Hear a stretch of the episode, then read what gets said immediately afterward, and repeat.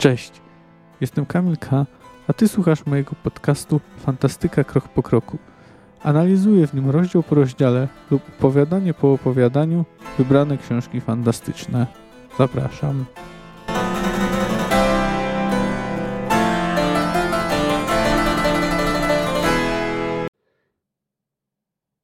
Cześć. Witam Was serdecznie w pierwszym i mam nadzieję, że nie ostatnim odcinku mojego podcastu. Dziś omówię dwa utwory, które otwierają zbiór opowiadań Ostatnie życzenie autorstwa Andrzeja Sapkowskiego. Chodzi mi o Głos rozsądku 1 i o Wiedźmina. Nim jednak przejdę do rzeczy, chciałbym Was uprzedzić, że zarówno w tym odcinku, jak zapewne w następnych, pojawią się nawiązania do treści kolejnych książek z cyklu wiedźmińskiego, a prawdopodobnie także w kilku słowach odniosę się do gier autorstwa CD Projektu, czy też do seriali, jakie powstały na bazie twórczości Sapkowskiego. Chodzi mi tu przede wszystkim o twór, a raczej twory, bo Netflix stworzył swego rodzaju wiedźmińskie uniwersum serialowe, ale prawdopodobnie niekiedy będę także wspominał o dziele polskich scenarzystów. Później mówiono, że człowiek ten nadszedł od północy, od bramy powroźniczej. Szedł pieszo, a obliczonego konia prowadził za uzdę. Było późne popołudnie i kramy powroźników i rymarzy były już zamknięte, a uliczka pusta. Było ciepło, a człowiek ten miał na sobie czarny płaszcz narzucony na ramiona. Zwracał uwagę. Tymi słowami rozpoczyna się opowiadanie Wiedźmin, które po raz pierwszy ukazało się w 1986 roku na łamach magazynu Fantastyka. Wtedy właśnie zaczęła się podróż Wiedźmina Geralta, który stał się sławny na cały świat. Początkowo zyskał popularność dzięki sukcesowi książek. Została ona jeszcze bardziej wzmocniona przez gry komputerowe, zwłaszcza Wiedźmina 3, który stał się światowym hitem. No a na jeszcze wyższy poziom e, wzbił ją serial Netflixa. I abstrahuję tu już od tego, co myślę o jego jakości. Być może w przyszłości będę miał okazję szerzej wyrazić to, co o nim myślę. Ostatnie życzenie jest to zbiór opowiadań, który otwiera cykl wiedźmiński. Nie jestem pewien, czy to jest oficjalny termin, czy został stworzony przez fanów. Tak czy inaczej zamierzam go używać, bo jest bardzo wygodny. I z pewnością lepiej zapoznawać się z losami Wiedźmina Geralta, księżniczki Cyrilli i czarodziejki Yennefer od tej właśnie książki, a nie od otwierającej sagę o Wiedźminie Krwi Elfów. Po prostu zarówno ostatnie życzenie, jak i drugi tom opowiadań Miecz Przeznaczenia stanowią integralną część ich historii. Bez ich znajomości będzie ona niepełna i czytelnik nie zrozumie niektórych nawiązań, czy nawet co, tego, co kieruje postaciami w niektórych momentach. Miałem pewną zagwostkę z tym, jak podejść do dzisiejszego odcinka.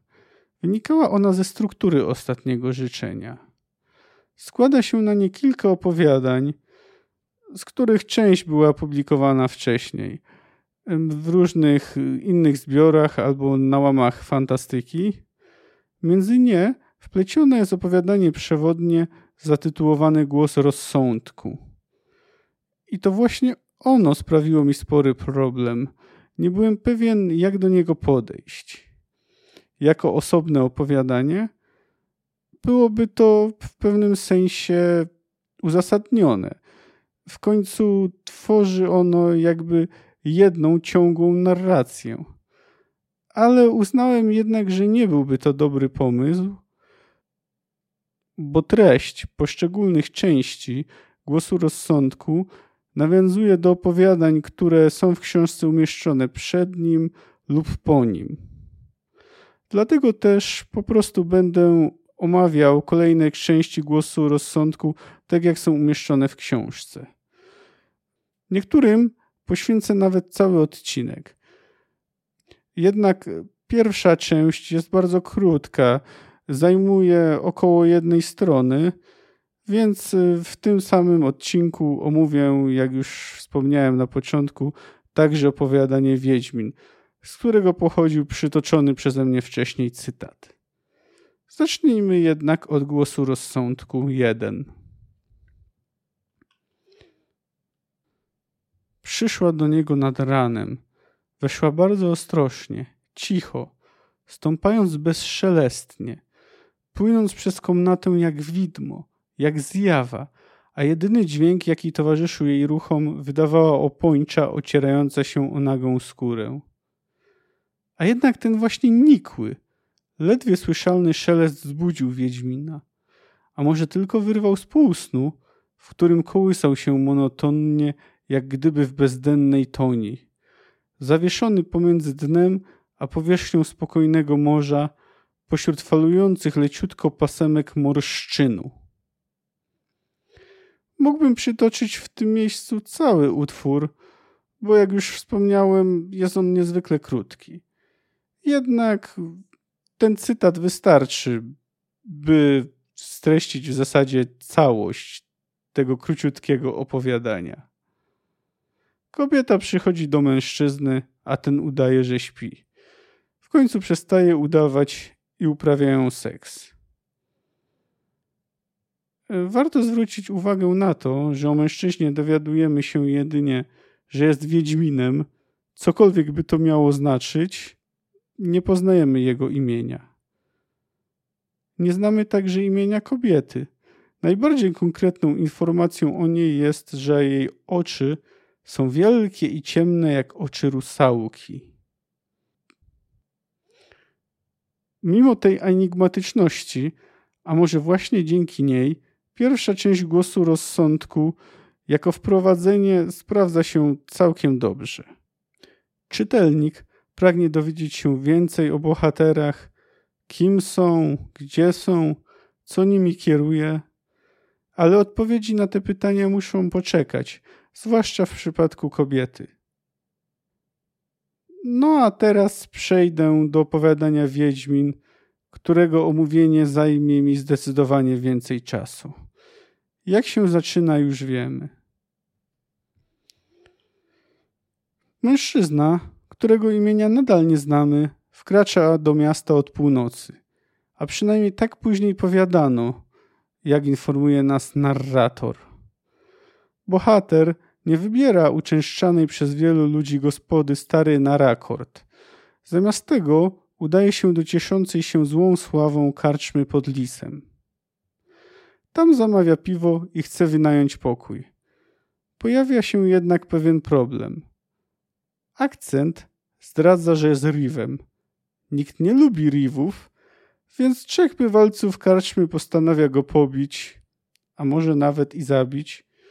Karczmasz nie zamierza interweniować. Kto by bronił Riva? Ci ludzie nie podjęli najlepszej decyzji w swoim życiu, gdyż błyskawicznie kończą rozrąbani. Do karczmy wpadają strażnicy, którzy nie zamierzają patyczkować się z bandytą. Ten jednak wykonuje jakiś gest rękami i prosi ich, by zaprowadzili go do grododzierżcy. Robią to, a pozostali bywalcy karczmy przyglądają się temu z przerażeniem. Wracamy do Wiedźmina, gdy ten już znajduje się u wspomnianego grododzierżcy imieniem Welerat. Przedstawia mu się jako Geralt i szybko staje się jasne, po co przybył do Wyzimy. Otóż król Foltest chce, by odczarowano strzygę. Ta strzyga to jego córka. Tę córkę spłodził z własną siostrą. Wzmiankowana siostra z którą chciał się zresztą swego czasu ożenić, miała na imię Adda i zmarła przy porodzie. Urodziła dziecko, które także zmarło. Welerat nazywa je uroczo Nadbękartem. Rzeczony Nadbękart został pochowany razem z matką w królewskiej krypcie.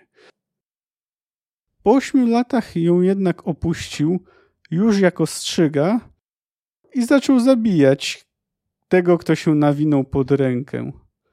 Foltest był zmuszony zbudować sobie nowy pałac. Przy okazji dowiadujemy się mniej więcej, czym trudnią się Wiedźmini. Otóż są oni wędrownymi zabójcami potworów. W trakcie rozmowy Grododzierżca proponuje Geraltowi inną umowę. Król daje 3000 orenów za odczarowanie księżniczki, ale paru rozumnych ludzi oferuje tysiąc i ochronę przed gniewem króla, jeśli problem ze strzygą zostanie rozwiązany na zawsze. Geraltowi udaje się wynegocjować 1500. Motywuje to tym, że ten, któremu zaoferowano tysiąc po zobaczeniu strzygi uciekł. Zatem, jak Geralt słusznie wnioskuje, ryzyko jest większe niż tysiąc orenów. Foltest udziela Geraltowi audiencji i zapewnia mu mieszkanie w pałacu na czas wykonania zlecenia. Po jej zakończeniu Wiedźmin rozmawia z Weleradem i dwoma innymi wielmożami, Ostritem i Segelinem. Podczas rozmowy Welerad dość obrazowo opisuje strzygę. Okazuje się też, że Ostritowi z jakiegoś powodu bardzo zależy na czci jej matki, królewny Addy. Czyżby kiedyś coś go łączyło ze zmarłą? Następnie y, do Wiedźmina przyprowadzono młynarza, który przeżył atak strzygi. On sam nie jest w stanie udzielić Geraltowi żadnych użytecznych informacji, natomiast Wiedźmin ma okazję przyjrzeć się ranom, jakie zadała młynarzowi strzyga i na tej podstawie ocenić, z czym ma do czynienia. Po wyjściu młynarza okazuje się, że strażnikiem, który go przyprowadził, był sam król Foltest, który przybył incognito, by rozmówić się z Wiedźminem w cztery oczy. Wbrew temu, co mogły sugerować słowa Welerada i pozostałych wielmożów, Foltest okazuje się być całkiem rozsądnym człowiekiem. Oświadcza Geraltowi, że nigdy nie kazałby skazać na śmierć kogoś, kto zabiłby strzygę w samoobronie. Ale nie zgadza się też na zabicie jej bez nawet próby jej odczarowania. Geralt informuje go, że według niego Królewnę da się odczarować. Trzeba tylko spędzić noc we dworze, gdzie ta ma swój grób. I potwór nie może znaleźć się w sarkofagu, nim kogut nie zapije po raz trzeci. Łatwizna, prawda? Foltes chce iść z Geraltem do dworzyszcza, ale ten stanowczo oponuje. Ma zresztą rację to byłoby zdecydowanie zbyt duże ryzyko. Na koniec rozmowy Foltest stwierdza, że ufa Geraltowi, pomimo że ten wcale nie musiał zabijać trójki napastników. Pewnie nie musiał, ale trudno uznać to, co zrobił za przekroczenie granic obrony koniecznej.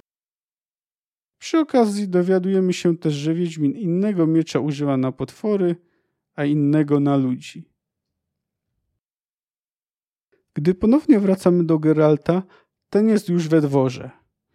Możemy śledzić, jak Wiedźmin przygotowuje się do walki. Wypija eliksiry w trakcie czegoś, co przypomina jakiś magiczny rytuał. A potem pojawia się intrus. To Ostrid. Oferuje Wiedźminowi tysiąc orenów. Ale nie za zabicie strzygi. Za to, żeby po prostu sobie pojechał w cholerę. Wiedźmin odmawia, więc wielmoża próbuje go zabić, wierząc, że przed mocami Wiedźmina ochroni go żółwi kamień. Tak się jednak nie dzieje, a Wiedźmin nie używa przeciwko niemu broni. Wystarczą mu pięści, którymi nokautuje szlachcica. Gdy Ostrid odzyskuje przytomność, jest związany. Wiedźmin postanowił użyć go jako przynętę dla strzygi. Początkowo wielmoża go wyzywa, ale w końcu wyznaje, że był zakochany w królewnie Addzie. Nienawidzi Foltesta, widząc go, nie bez powodu, za jej śmierć. Przy okazji okazuje się też, że jest możliwe, że to Ostrid stoi za klątwą, która sprawiła, że dziecko Addy i Foltesta stało się strzygą, ale nie jest to pewne. Geralt, dzięki zmysłom wyoszczonym przez eliksiry, słyszy, jak odsuwa się pokrywa krypty, wypuszcza więc Ostrita, licząc, że złapanie go, a później konsumpcja zajmą strzygę na jakiś czas.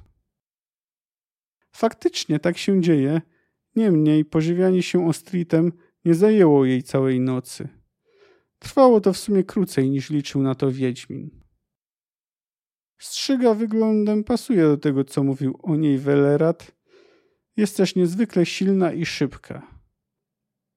Geralt radzi sobie z jej pierwszym atakiem przy użyciu rękawic z nasadzanymi srebrnymi kolcami.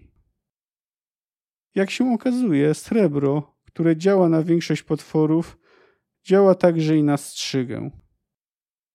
Następnie jest zmuszony do skorzystania z jednego ze swoich znaków, czyli czegoś na kształt słabszych czarów. Za pomocą znaku art próbuje odepchnąć od siebie strzygę. Ta jednak daje sobie z nim radę, co mocno Wiedźmina niepokoi. Udaje mu się jednak ją pokonać poprzez przejęcie jej własnych emocji i skierowanie ich na nią. Strzyga nie daje rady znieść tych pokładów złości i nienawiści. Wiedźmin wypija kolejny eliksir, zajmuje miejsce w sarkofagu i zasypia, ustawiając wcześniej klepsydrę i blokując płytę za pomocą znaku Iryden. Gdy się budzi, piasek w klepsydrze przesypuje się do końca. Ostrożnie wychodzi z sarkofagu, nic nie słysząc. Widzi strzygę, czy może już raczej dziewczynę, która leży obok nie poruszając się. I wtedy Wiedźmin popełnia błąd, który mógł być tragiczny w skutkach. Przygląda jej się z bliska. Zęby ma już zupełnie normalne. Jednak okazuje się, że strzyga jest przytomna, a choć jej zęby już się zmieniły, to wciąż ma szpony zamiast paznokci. Rani nimi Wiedźmina w szyję. Ten, wiedząc, że ma niewiele czasu, gryzie ją. Dziewczyna jest już zbyt słaba, by stawić mu opór i w końcu traci przytomność. Geralt upewnia się, czy tym razem już całkowicie się przemieniła i gdy to się dzieje, zaczyna rwać materiał swojej koszuli, wiążąc go wokół szyi. Udaje mu się to robić, zanim dleje. W tej samej chwili w wyzimie kogut pieje po raz trzeci. Wiedźmin budzi się po dwóch dniach. Wita go Welerat wraz z mieczem i trzema tysiącami orenów. Wiedźmin dowiaduje się, że księżniczka przeżyła, a teraz często płacze i się moczy. Welerat chce się jeszcze dowiedzieć, czemu Wiedźmin próbował zagryźć królewnę, ale nie otrzymuje odpowiedzi. Wiedźmin śpi. W tym miejscu kończy się moje streszczenie Wiedźmina. W mojej opinii jest to opowiadanie bardzo dobre, ze sprawnie poprowadzoną akcją i niewieloma zbędnymi słowami. Sapkowskiemu udaje się bardzo sprytnie wpleść w dialog takie informacje jak to, że Wiedźmin to najemny zabójca potworów. W kilku słowach nakreśla też sytuację na dworze Foltesta, gdzie nie dzieje się dobrze, bo jego zachowanie podważa jego pozycję, a problem ze strzygą narasta. Geralt wspomina zresztą Ostritowi, że w królestwie mówi się o tym, że lepiej by to Wizimir Redański był królem. Centralnym punktem opowiadania nie są jednak polityczne intrygi, ale strzyga. Wellerat opisuje ją, jak już to powiedziałem, w dość obrazowy sposób. Królewna wygląda jak strzyga, jak najbardziej strzygowata strzyga, o jakiej słyszałem. Jej wysokość królewska córka, przeklęty nad Benkart, ma cztery łokcie wzrostu, przypomina baryłę piwa, ma mordę od ucha do ucha pełną zębów jak sztylety, czerwone ślepia i rude kudły. Łapska, opazdurzone jak u żbika, wiszą jej do samej ziemi. Dziwię się, że jeszcze nie zaczęliśmy rozsyłać jej miniatur po zaprzyjaźnionych dworach. Królewna, niech ją zaraza udusi, ma już 14 lat. Czas pomyśleć o wydaniu jej za jakiegoś królewicza. Opis faktycznie obrazowy, ale w sumie udziela całkiem sporej dawki informacji. Sapkowski, zwłaszcza w swoich opowiadaniach, często wykorzystuje różne legendy, baśnie czy opowieści ludowe. Z nich właśnie pochodzi strzyga, aczkolwiek autor, jak to ma w zwyczaju, przedstawił swoją wersję tego potwora. Aczkolwiek jest ona i tak bardziej zbliżona do jej, powiedzmy, że oryginalnej postaci, chociaż jest to określenie nieco na wyrost, y, niż to jest y, zazwyczaj y, w książkach Sapkowskiego. Warto jednak poświęcić kilka słów temu, skąd w ogóle wzięła się strzyga. Fantazy tworzone przez Sapkowskiego niekiedy jest określane jako słowiańskie. Zazwyczaj jest to czynione na wyrost, a on sam zdecydowanie nie lubi tej etykiety. W dość znanym eseju Piruk, czyli nie ma złota w szarych górach, Sapkowski wyśmiewa koncepcję fantazy słowiańskiego. W tym jednak w przypadku faktycznie mamy do czynienia z potworem, który został zaczerpnięty z mitologii słowiańskiej. Aczkolwiek najprawdopodobniej trafiła tam ona z mitologii rzymskiej. Występują tam ptasie demony, które nazywają się Strix. W jedną z nich została zamieniona Polyfonte, wnuczka Aresa, która bardzo chciała zostać towarzyszką Artemidy. Nie interesowała jej miłość, co bardzo zezłościło inną boginię, Afrodytę, która sprawiła, że Polyfonte zakochała się w niedźwiedziu. To sprawiło, że bogini łowów odrzuciła dziewczynę i poszczuła na nią wszystkie zwierzęta lasu.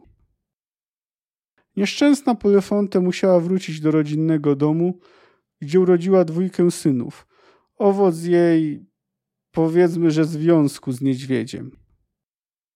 Synowie ci okazali się być kanibalami, którzy swoimi okropnymi praktykami rozzłościli bogów olimpijskich nie na żarty. Posłany przez Zeusa Hermes początkowo zamierzał poobcinać im nogi i ręce, jednak po interwencji Aresa zamienił ich w ptaki. Kara nie minęła także Polyfontę, chociaż zaiste dziewczyna nie była niczemu winna. Została zamieniona w małą sowę, którą można usłyszeć w nocy, która nie je, nie pije i która jest zwiastunem wojny i nieszczęścia. W innych mitach Strix, oprócz tego, że są złym omenem, piją także krew niemowląt i jedzą ich ciało. A jak to jest w mitologii słowiańskiej? Strzyga to kobiecy demon, który dysponuje dwoma życiami i dwoma duszami, niekiedy także dwoma rzędami zębów i dwoma sercami. Co do dwoistości innych elementów anatomicznych nie znalazłem żadnej informacji.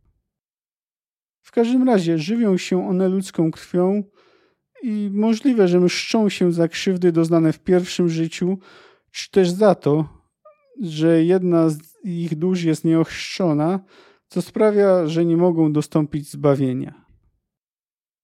Da się tu dostrzec pewne paralele z wampirami czy upiorami. Strzygi są z nimi niekiedy łączone.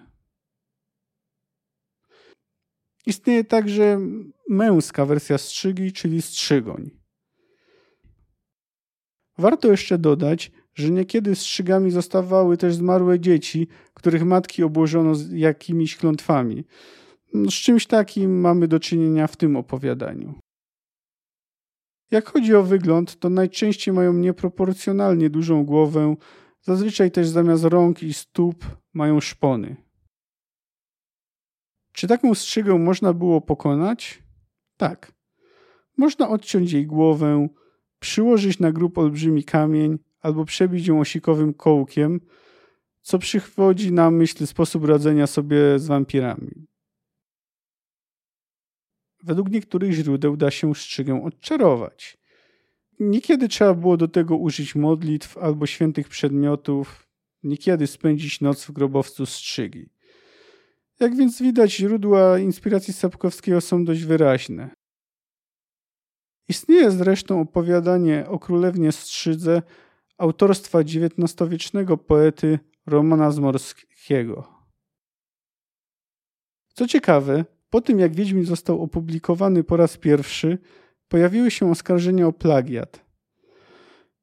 Wydaje mi się, według tego, co udało mi się wyczytać, są raczej przesadzone, bo choć opowiadania są podobne, to jednak nie są identyczne.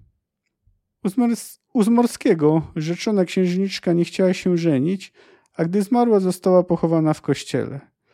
Zjadała kolejnych przysyłanych żołnierzy, aż w końcu jeden śmiałek przetrwał kilka nocy w kościele, chowając się w różnych miejscach, a to za amboną, a to za świętymi figurami, a w końcu udało mu się spędzić noc w grobowcu królewny.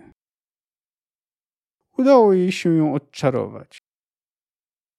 Jeśli ktoś chce więcej szczegółów, to warto sięgnąć po tekst Nowa Baśń Strzyga Romana Zmorskiego i Wiedźmin Andrzeja Sapkowskiego autorstwa Magdaleny Roszczynialskiej. Chciałbym poczynić jeszcze jedną obserwację. Gerald mdleje, gdy kogut pije po raz trzeci. Trzecie pianie koguta jest dość często spotykanym motywem. Występuje na przykład u Mickiewicza mm, jako koniec obrzędu dziadów.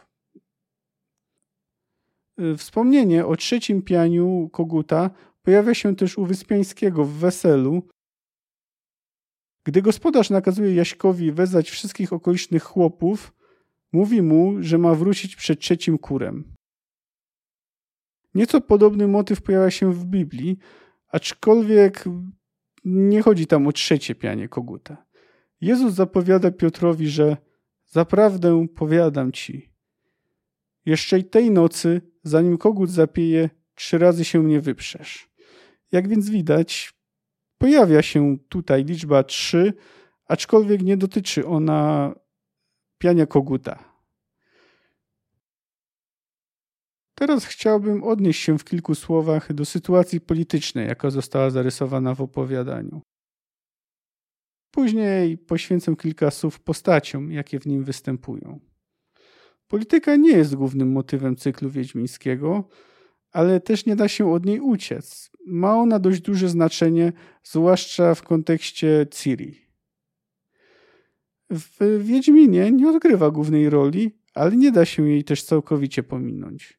Dowiadujemy się, że pozycja Foltesta na dworze jest niepewna, że Redania bardzo chętnie przyjęłaby kontrolę nad Temerią i że są w Wyzimie, miejscu akcji opowiadania, tacy, którzy z radością patrzyliby na zmianę władzy.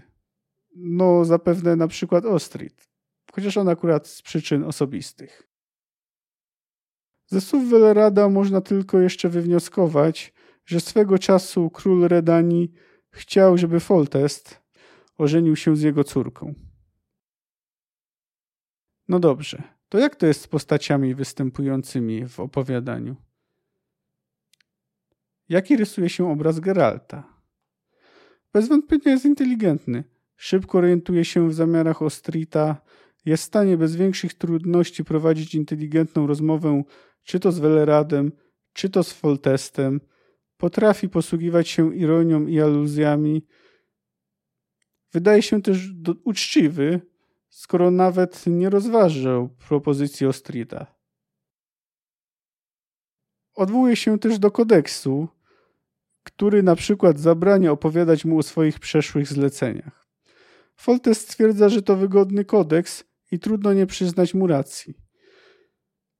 Zresztą później, na kartach cyklu wiedźmińskiego, dowiemy się, że ten kodeks de facto nie istnieje, że raczej służy jako wygodna wymówka, która pozwala wiedźminom uniknąć niewygodnych pytań. Dowiadujemy się też, że Geralt jest naprawdę dobry w walce. I nie chodzi o to, jak łatwo poradził sobie z oprychami w karczmie. Poradził sobie ze szczygą, z którą, jeśli wierzyć temu, co mówi Welerat, a nie miał powodu, żeby kłamać, bali się zmierzyć nawet inni Wiedźmini. Zastanawiający jest incydent w gospodzie. Czy Wiedźmin wybrał ją, wiedząc, że w tym mniej uczęszczanym miejscu o gorszej reputacji będzie łatwiej o jakiś incydent? Może i tak, ale sądząc z tego, że po wyzimie każdy chodzi z bronią, o incydent gdziekolwiek nie byłoby trudno. Zwłaszcza jeśli jest się Rivem, za którymi mieszkańcy wyzimy nie przepadają. Tutaj malutka dygresja. Narrator w pewnym momencie określa Wiedźmina mianem Riva. Jest to o tyle ciekawe, że jak się później dowiemy, Geralt wcale nie pochodzi z Rivi. Po prostu przybrał taki przydomek, a później go mu nadano, ale to już jest zupełnie inna historia, do której mam nadzieję będzie mi dane kiedyś dojść. Ciekawe jest więc, czy początkowo miał naprawdę pochodzić z Rivi, czy po prostu narrator wszystkiego nie wie. W końcu zaczyna od słów później mówiono. A jeśli chodzi o zabójstwo napastników, no to już wspomniałem, że trudno Geralta o cokolwiek winić. Zapewne mógł ich zneutralizować bez zabijania, ale w sumie dlaczego? Ci ludzie z wielkim prawdopodobieństwem sami by go zabili i to tylko z tego powodu, że nie lubili Rivów. No, z drugiej strony, gdyby Geralt był szlachetnym rycerzem, zapewne postąpiłby inaczej. Wiedźmin rysuje się więc jako dość zimny profesjonalista, który niekiedy potrafi okazać lekkie zdziwienie czy się uśmiechnąć. Przejdźmy teraz do kolejnej postaci, którą jeszcze spotkamy na kartach cyklu wiedźmińskiego. Chodzi mi o króla Foltesta. Ma on ładną, a nawet za ładną twarz, co stoi w dość dużym kontraście z tym, jak został przedstawiony w serialu Netflixa – to w sumie jest drobiazg. Być może twórcy bali się skojarzeń z Jamie Lannisterem. Z opisu Welerada król Temerii rysuje się w raczej niezbyt pozytywnym świetle. Przymykając już oczy na to, że wybranką jego serca była jego rodzona siostra, zdaje sobie sprawę z tego, że trudno przymknąć na to oko, to był on gotów doprowadzić do dyplomatycznego incydentu, znieważając posłów redańskich, którzy przybyli z ofertą małżeństwa. Być może mogło nawet dojść do wojny. Na całe szczęście sama Adda go wtedy powstrzymała. Był wtedy młody, ale i tak powinien zdawać sobie sprawę z konsekwencji swoich czynów i z obowiązków, jakie spoczywają na nim. Zresztą obsesja związana z dzieckiem jego i Addy świadczy o tym, że nadal darzy zmarłą bardzo gorącym uczuciem. I z tego powodu jego pozycja na dworze zaczyna słabnąć. Trudno powiedzieć, czy jest tego świadomy. W każdym razie osoby z jego najbliższego otoczenia boją się nawet jednym słowem źle wyrazić o królewnie Strzydze. W jego obecności, bo za jego plecami nie mają już takich hamulców. Jednak w osobistej rozmowie z Geraltem sprawa wygląda nieco inaczej. Król faktycznie bardzo chce uratować swoją córkę, ale nie jest fanatykiem, nie jest opętany tą wizją. Bierze pod uwagę, że zabicie jej może być najlepszym wyjściem nawet dla niej, ponieważ skróci jej cierpienia. I otwarcie mówi Wiedźminowi, że nigdy nie skazałby na śmierć nikogo, kto zabiłby ją w samoobronie. Tak więc Foltest rysuje się jako postać dwuznaczna. inne postaci już się nie pojawią. Welrad wydaje się być w porządku.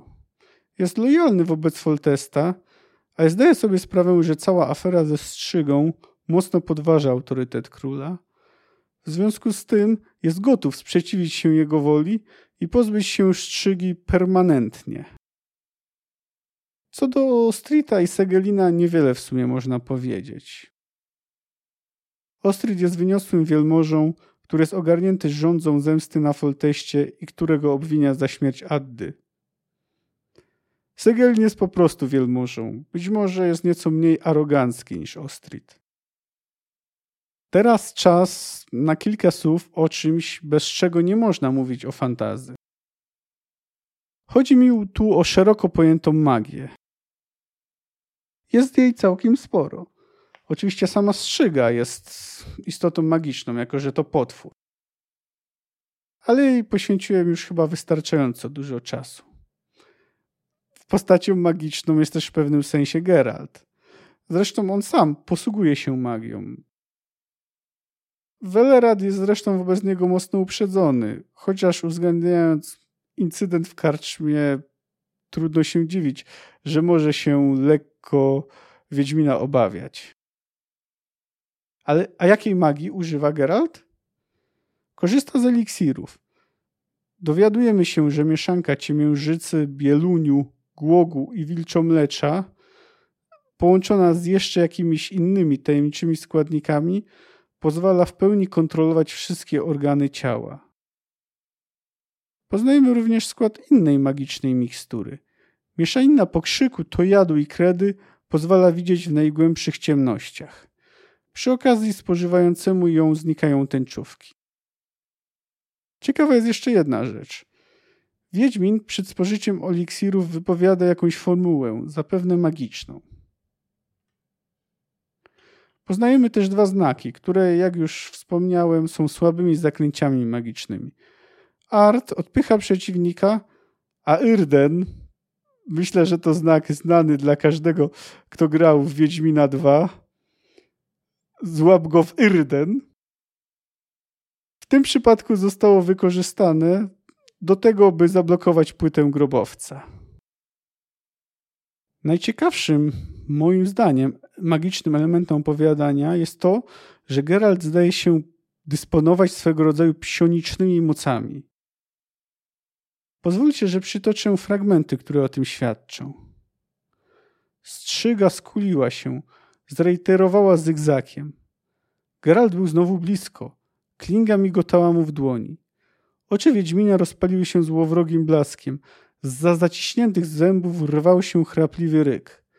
Strzyga znów cofnęła się, pchnięta do tyłu mocą skoncentrowanej nienawiści, złości i przemocy, emanujących z atakującego ją człowieka, bijących w nią falami, wdzierających się do mózgu i trzewi.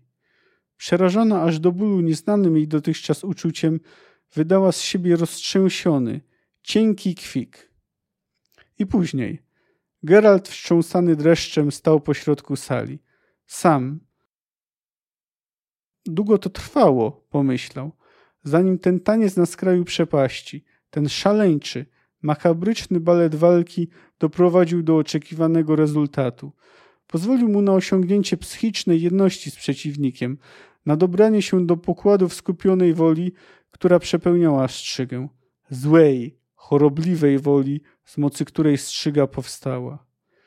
Wiedźmin zadygotał na wspomnienie momentu, w którym wchłonął w siebie ten ładunek zła, by skierować go, jak zwierciadłem, na potwora. Nigdy jeszcze nie spotkał się z taką koncentracją nienawiści i morderczego szału. Nawet u bazyliszków, cieszący się pod tym względem najgorszą sławą. Wygląda na to, że Wiedźmin przejął emocje strzygi i obrócił je przeciwko niej. To był całkiem ciekawy pomysł. Jednak w późniejszych utworach Sapkowskiego został zarzucony. Trochę szkoda. Mogłoby to mieć dość ciekawe skutki dla psychiki Wiedźminów.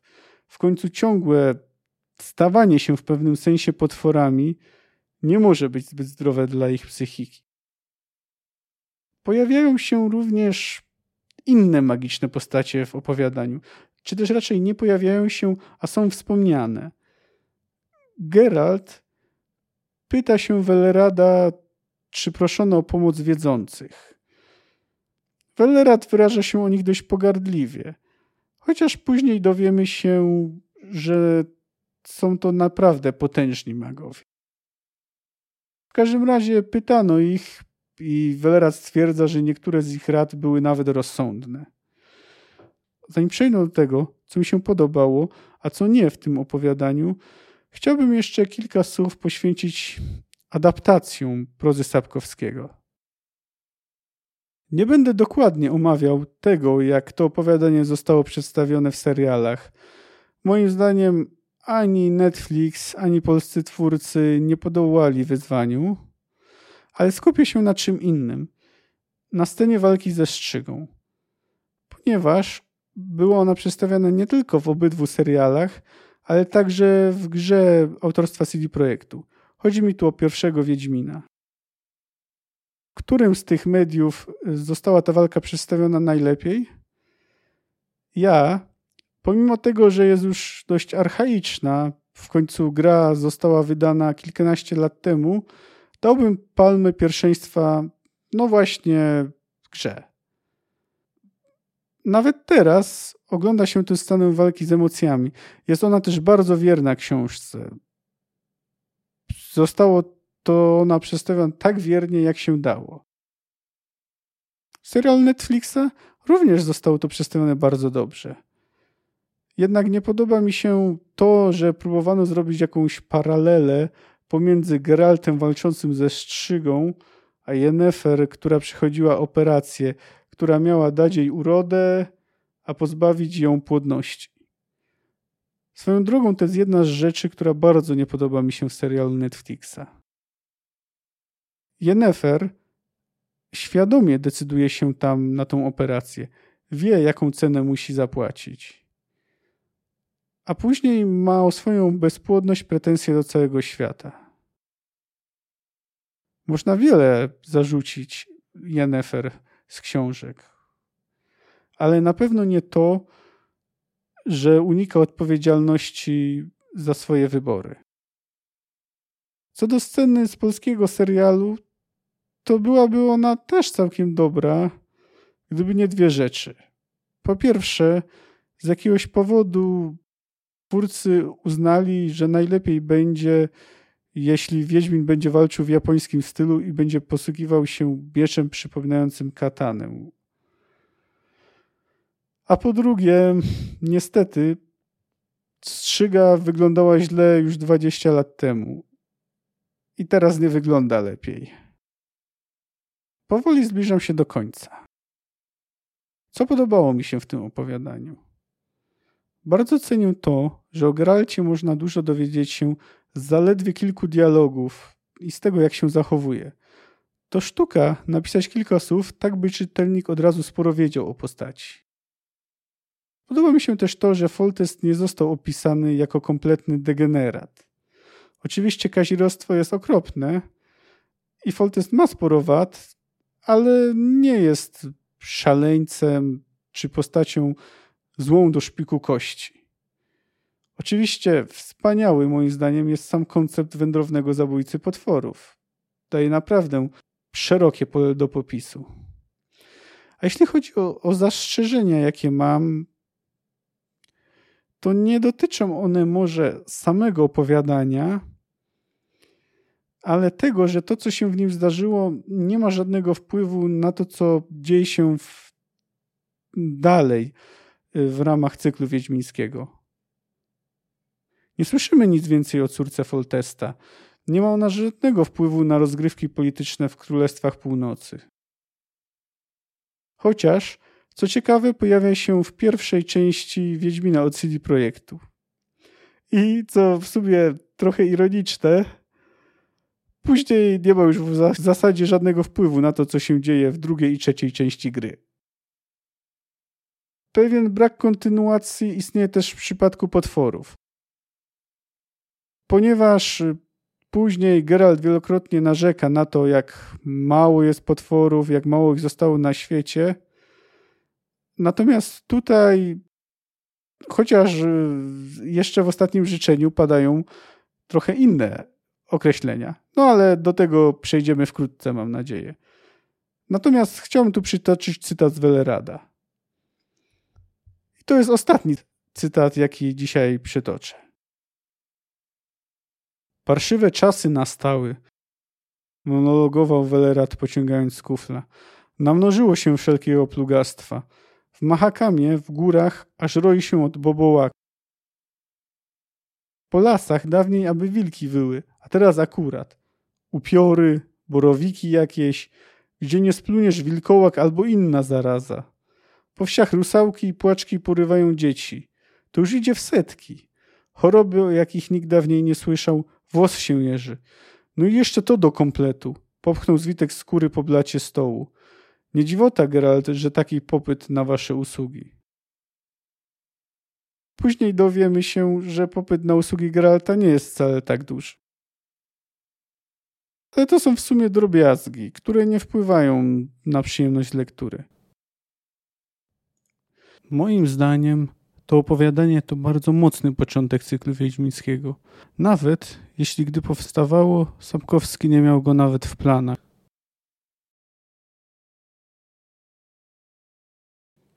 Jeśli macie jakieś uwagi, rady, sugestie, zastrzeżenia, uważacie, że coś pominąłem, albo chcecie może się o coś zapytać, chcecie, żebym rozwinął jakieś zagadnienie, takim razie piszcie do mnie y, na adres kamil.fantastyka.gmail.com Możecie także skontaktować się ze mną poprzez y, Twittera i Instagrama. W obydwu przypadkach mój nick to fantastyka krok po kroku.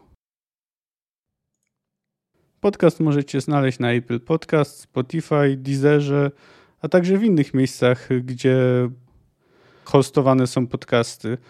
Y, jeśli chcecie wiedzieć dokładnie jakie, to możecie je znaleźć na mojej stronie fantastykapokroku.blubry.net Blubry pisane przez 2R. Za tydzień dowiemy się, kim była kobieta, która przyszła do Geralta, a także spotkamy inną kobietę, która odegrała dość istotną rolę w jego życiu. Do usłyszenia za tydzień. Cześć.